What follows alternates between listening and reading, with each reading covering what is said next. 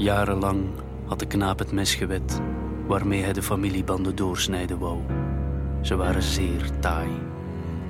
Toen de laatste vezel begaf, viel hij met een plof midden in zijn vrijheid. Het was er anders dan hij zich had voorgesteld. De derde dag voelde hij alleen nog honger. Urenlang zwierf hij rond in het bos, op zoek naar iets eetbaars. Oh, paddenstoelen. Oh nee, die zijn misschien giftig. Maar tegen de avond kon hij de hand leggen op een paradijsvogel. Hij voelde zich gelijk iemand die zijn dromen verslinden moest. En wist dat hij de vogel zou eten met de saus zijner tranen.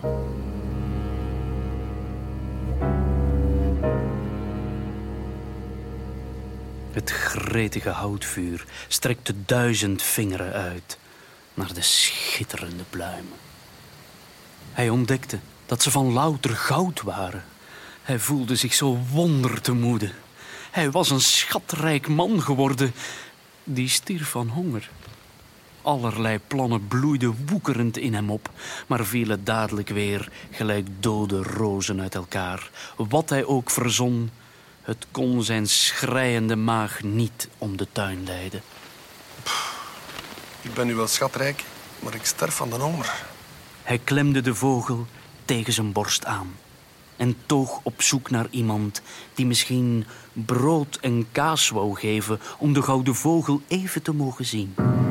Het was al laat geworden toen hij de grote autostrade doorheen het bos bereikte en de herberg De Twaalf Billen, waar een wijf met haar vijf dochters woonde. De deur en ook de billen waren reeds gesloten. Hé! Hey! Hé, hey, doe open! Ik wil u een gouden paradijsvogel tonen! De waardin kon er niets aan verhelpen dat zij als wijf op de wereld was gekomen. Kunnen u een vogel bij dag laten bewonderen? Houd uw fatsoen een beetje! Maar, maar hij is helemaal van goud! zei de knaap bijna schreiend. De jongste en de nieuwsgierigste der dochters liet hem binnen. Meisjes! Ze was dadelijk opgetogen en ging haar zusters sporren die rond het knappend haardvuur waren ingeslapen. Ze geleken aan schaaldieren die bij het vuur alle besef van eerbaarheid verliezen en zich gaan openleggen. Zich de slaap uit de ogen wrijvend kwamen ze recht gekropen.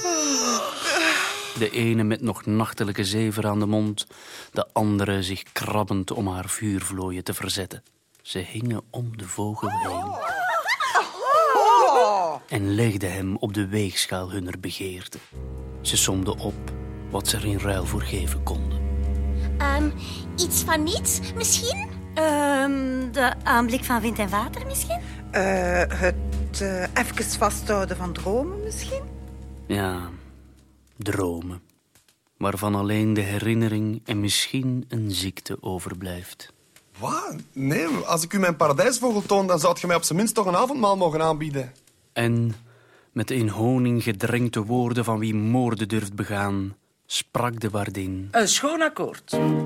Zolang gij hier eet en slaapt, is de vogel van ons. En als gij weg wilt gaan, wordt hij weer uw eigendom. Akkoord. De knaap mocht in de afgrond van zijn maag een paar worstjes laten vallen en wat zuur geworden zuurkool. Bovendien kreeg hij als drank de melk der oudste, die zoet en warm uit haar borsten vloeide. Zijn oogleden werden loom en zakten toe. De paarse speen ontschoot zijn mond. Hij snurkte en droomde van paradijsborsten met gouden pluimen.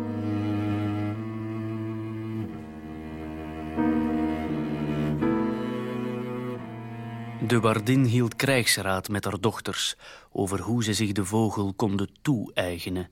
Ze tastte in haar herinnering naar een mogelijke wijsheid en vond... Het zijn de pluimen, het zijn de pluimen die de vogel maken. Anderzijds is het de vogel die de pluimen maakt. Als wij dus de vogel plukken, dan krijgt hij altijd opnieuw gouden veren. Misschien was er nog iets beters te vinden de nacht brengt raad, maar ze hadden weinig tijd en konden in elk geval met het begin beginnen. Deskundig pluimde zij de vogel. Hij bleek hierin aan dezelfde wetten onderhevig als bijvoorbeeld een kerkuil of doodgewoon een haan. Hij kreeg zelfs kippenvel, want hij had het koud in zijn naaktheid. En waarop het wijf nog de andere billen hadden gerekend, hij stierf bijna. Wat doen we nu? Eh, eh, kom, kom, blazen. Blazen. Gelukkig kwam hij er met de warmte van hun adem weer wat bovenop. De vrouwen besloten hem elk ombeurt één dag onder de broeikast van hun rok te laten wonen, tot hij nieuwe pluimen had gekregen. Eerst zou de moeder hem huisvesten, dan de oudste, daarna de tweede oudste enzovoort. Daar zij helaas slechts met zes waren, wisten zij niet wat ze er op zondag mee moesten aanvangen. Maar er was een ander en dringender probleem. Wat moeten wij die knaap wijsmaken als die wakker wordt? Eh, we kunnen die oude pluimen in een soepkieken planten. Maar nee, wacht, wacht, ik heb iets goed. We kunnen ons jongste volplakken met die pluimen. Maar nee, gij. Hé, jawel, jawel, jawel. sprak de jongste. Zie, want iedereen zal denken dat ik een paradijsvogel ben. Nee! Nee! En om de waarheid te zeggen, zij werd inderdaad zeer mooi. De zachtste veren werden rond haar navel geplakt. En de grote hoofvaardige langs haar dijen en haar wiegend rondeel. Maar de fierste van al kwam op haar voorhoofd staan, gelijk bij veldheren de veer op hun helm.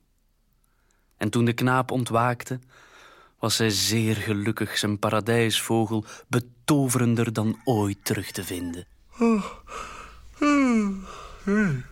Ik wist niet dat het een meisje was. Ik heb dat niet gezien. In de donker, denk ik.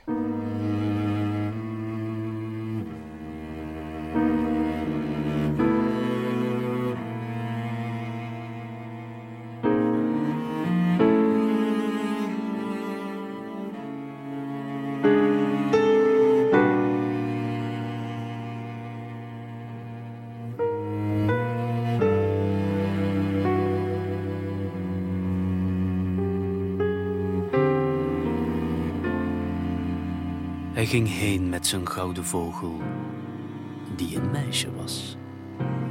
En beleefde nog vele avonturen te lang om te melden. Onder andere dat een koningszoon op zijn schat verliefd werd en daarmee kwam stoeien als de knaap op zoek was naar het nodige voedsel. Het was een zeer brutale koningszoon en in een uur van onvertogen spel vlogen heel wat pluimen in het rond. Er kwamen nog andere daarna, en steeds minder begon zij aan een paradijsvogel te gelijken.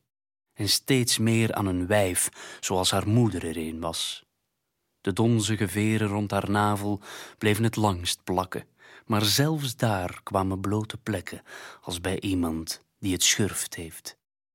En de knaap, hij werd een chagrijnig man. Ze hebben me bedrogen verdomme die nacht in de twaalf billen.